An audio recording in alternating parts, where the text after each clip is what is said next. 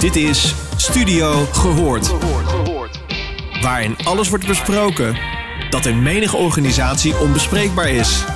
Uw gastvrouwen zijn Jorine Beks en Orlie Polak. Welkom eh, luisteraars, het is weer tijd voor een uh, mooie podcast. Ik zit in de studio met Jaco van der Schoor en Jorine. Hallo allemaal. Jaco is oprichter en directeur van Mensen in Bedrijf. Hij heeft een achtergrond in sociale en organisatiepsychologie, is auteur van maar liefst zes managementboeken, waaronder het handboek voor procesbegeleider voor teamcoaches en tools voor teams. Jaco is een ervaren procesbegeleider en teamconsultant. Hij is daarnaast gastdocent op verschillende universiteiten. Een reden te meer om jou eens uit te nodigen. En wij zijn enorm benieuwd. Hoe kijk jij aan tegen teams in deze huidige maatschappelijke ontwikkelingen? Nou, dankjewel. Wat een verhaal als je het zo opleest.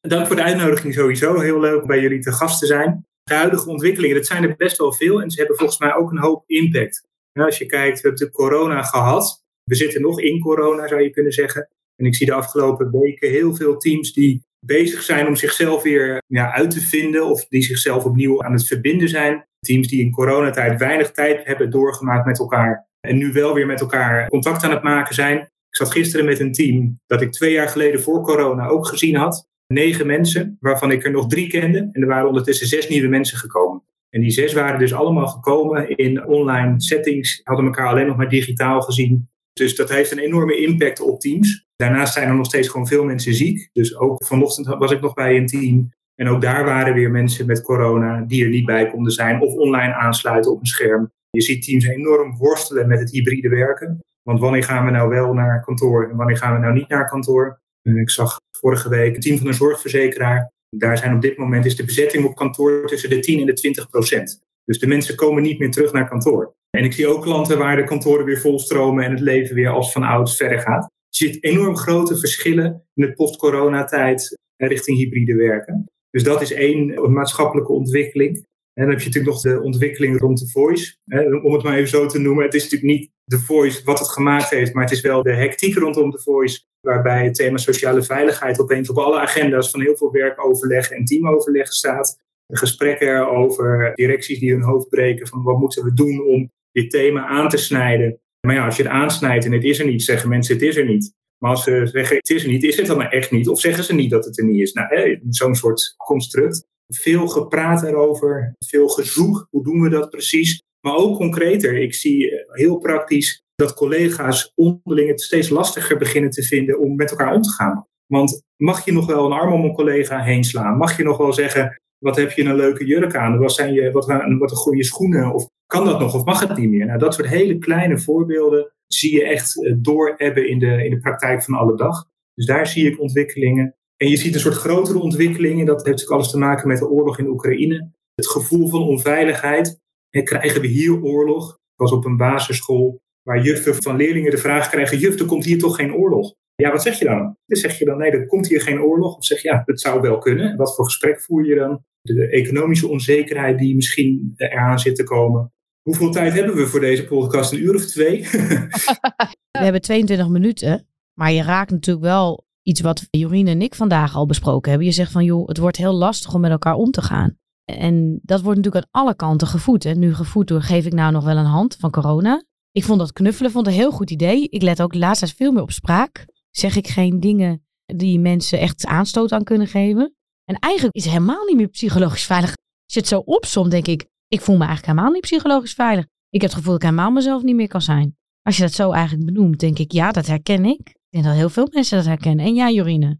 Ja, het is natuurlijk een beetje mijn thema om ook mee aan de slag te gaan. Waarbij, ik weet niet hoe jij dat ervaart, Jaco, maar uiteindelijk gaat het over de dialoog erover kunnen hebben. Hè? Dus in plaats van het denken, kan ik wat zeggen van die jurk. Of dat iemand ook andersom maakt het een man die naar de kapper is geweest. Of met een collega met z'n tweeën in de lift. Of, of, weet je, dat maak ik natuurlijk ook mee, is de dialoog aangaan. Wat voor gedrag zie jij anders als je kijkt? Want je had die expliciete voorbeelden van zes nieuwe collega's. Wat zie je? Ja, ik zie dat mensen zoekend zijn. En mensen hebben een modus gevonden in coronatijd. Een modus waarin ze hè, gewoon in hun eigen huis aan het werk waren. Tussen de middag met hun partner een boterhammetje aten. of een stukje wandelde eh, met de hond, of nog even het konijnenhok verschoonde. allemaal van die kleine dingen die gewoon konden tussendoor, die ook geaccepteerd werden. We accepteerden bijvoorbeeld ook, hè, als er eens een keer aangebeld werd en er was een pakketbezorger, dat iemand even wegliep in een meeting en weer terugkwam. Ja, dat was de pakketbezorger. Vonden we allemaal grappig en leuk. En er sprong een kat in beeld. En we waren veel toleranter, omdat dit de setting was waarin we noodgedwongen zaten. En die tolerantie, die zie ik nu verdwijnen.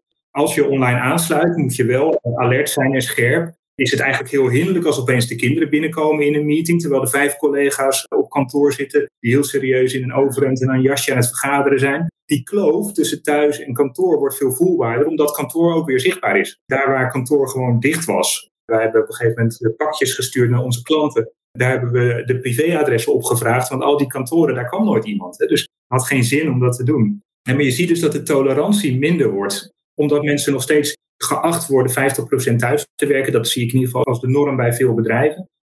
50% op kantoor, 50% thuis. Maar dat betekent dat je nog steeds met een beetje pech je collega's gewoon helemaal niet ziet. Want als jij precies de andere 50% werkt, of je werkt part-time, dan mis je elkaar. Dus het contact is formeler geworden. De meetings zijn productiever geworden, effectiever geworden. En de menselijke maat verdwijnt wat. Dus wat ik met veel teams op dit moment aan het doen ben, is heel simpel wat weer persoonlijke dingen delen. Praten over hoe is het met je. Praten over hoe heb je dingen beleefd. Gewoon weer het informele contact stimuleren. Want dat wordt volgens mij gemist. Als je zegt menselijk, dat je dat contact maken, zijn we het een beetje verleerd met elkaar? Ik merkte het gisteren weer. Ik was met een team live op locatie. En er waren twee teamleden die waren wat later. Het was hartstikke druk, regende, files. Dus twee mensen waren wat later. En eentje die kwam binnen, die kende ik al van, van eerder. En wij lopen samen nog even naar de koffieautomaat, zodat hij een kopje koffie kan pakken en ik een glaasje water. En in dat stukje van de deur naar de koffiezetautomaat babbelen we even over zijn reis, over waar hij nou precies woont, een stukje terug. We hadden het over de Golden Earring.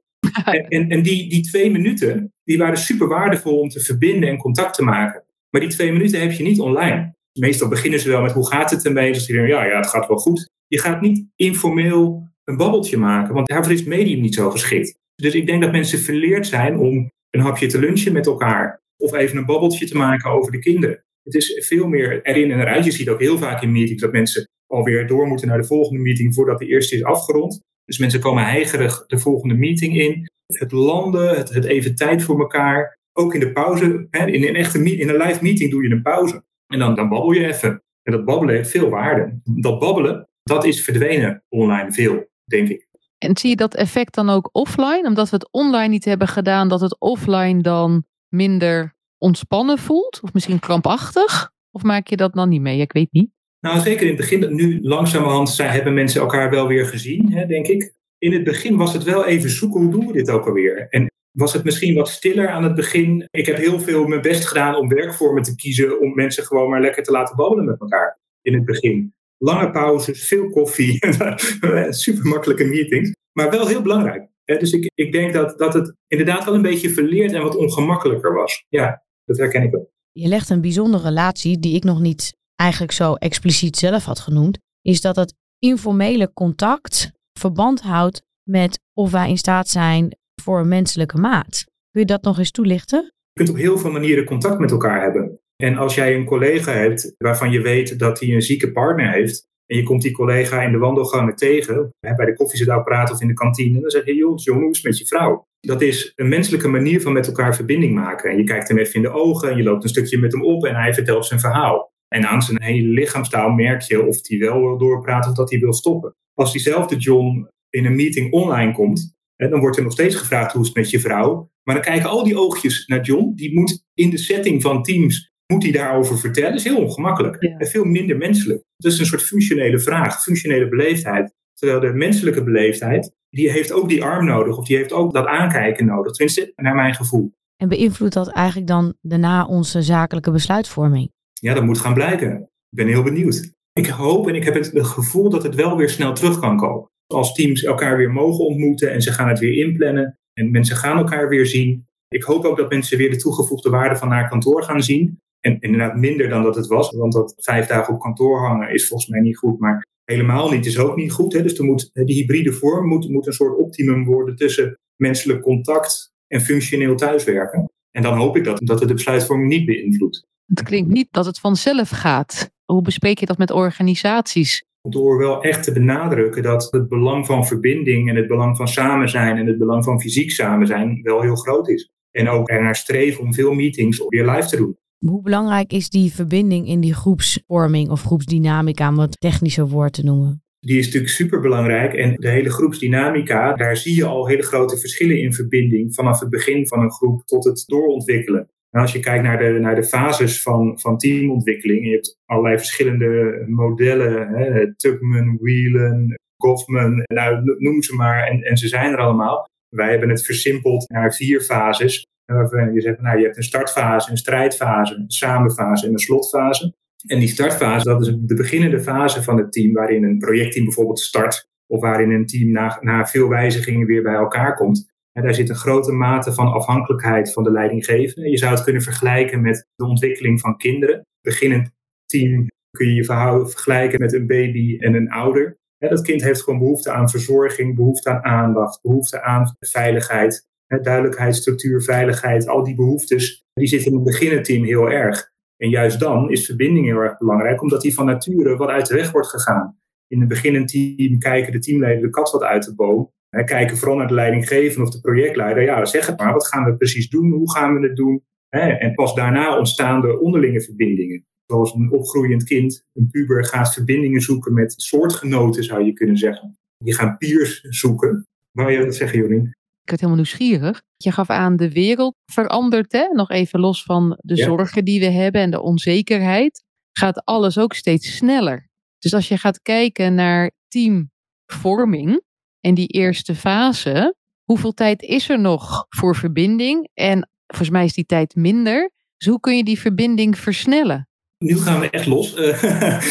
in Teams van de Toekomst heb ik samen met Guido van der Wiel geconstateerd, alweer tien jaar geleden, eh, dat de wereld sneller gaat en dat teams sneller veranderen. Nou, dat is alleen nog maar versneld, dat proces. En wat je dus ziet, is dat die ontwikkeling van die vier fases, waarvan je vroeger als teamcoach kon zeggen, nou, dat is een soort doel op zich. Ik stap in bij een team en ik ga op mijn gemak dat team ontwikkelen tot het eindelijk een effectief team is. Ja, die tijd is er helemaal niet. Dus binnen no time is een team weer aan het veranderen. Komt er een nieuwe leidinggevende, is er weer een zoveelste reorganisatie weer een fusie, uh, gebeurt er weer wat en treedt de laatste fase, de slotfase in. Zo'n team doet eigenlijk niet zoveel anders meer dan van start naar slot, van start naar slot. En dus is het, kun je zeggen, ja, we gaan dan juist focussen op verbinding. Ik denk dat dat heel belangrijk is. En tegelijkertijd is het van belang om heel erg duidelijk te gaan focussen op wat hebben we eigenlijk te doen met elkaar. Wat is ons doel? Wat is ons bestaansrecht? En op welke manier richten wij ons team in? Op zo'n manier dat als er weer een verandering komt, dat de nieuwe mensen vrij makkelijk kunnen instappen. Dus het is enerzijds zorgen dat mensen zich snel op hun gemak voelen, zo op hun gemak mogelijk voelen in het team. Anderzijds een ontzettend duidelijke structuur en bestaansrecht om die wijzigingen te kunnen opvangen. En ook om heel snel dus te kunnen presteren. Hè? Dus hoe snel kun je nou zo snel mogelijk talenten laten optellen? En daarbij komt natuurlijk ook de diversiteit. Dat je vroeger zat je in van never change a winning team. En nu zit je in iets van acht verschillende teams gemiddeld in Nederland. Dus dan kan het ook zijn dat je in het ene team in een andere fase zit dan in het andere team. Wat voor effect heeft dat op medewerkers? Nou ja, je ziet dat mensen dus qua commitment keuzes kunnen gaan maken. Je committeert je aan acht teams. Maar ja, team 1 is toch net even leuker. Dat is net even gezelliger dan team 2. En je ziet dan dus dat mensen ook meer bereidheid hebben om voor team 1 harder te lopen dan voor team 2.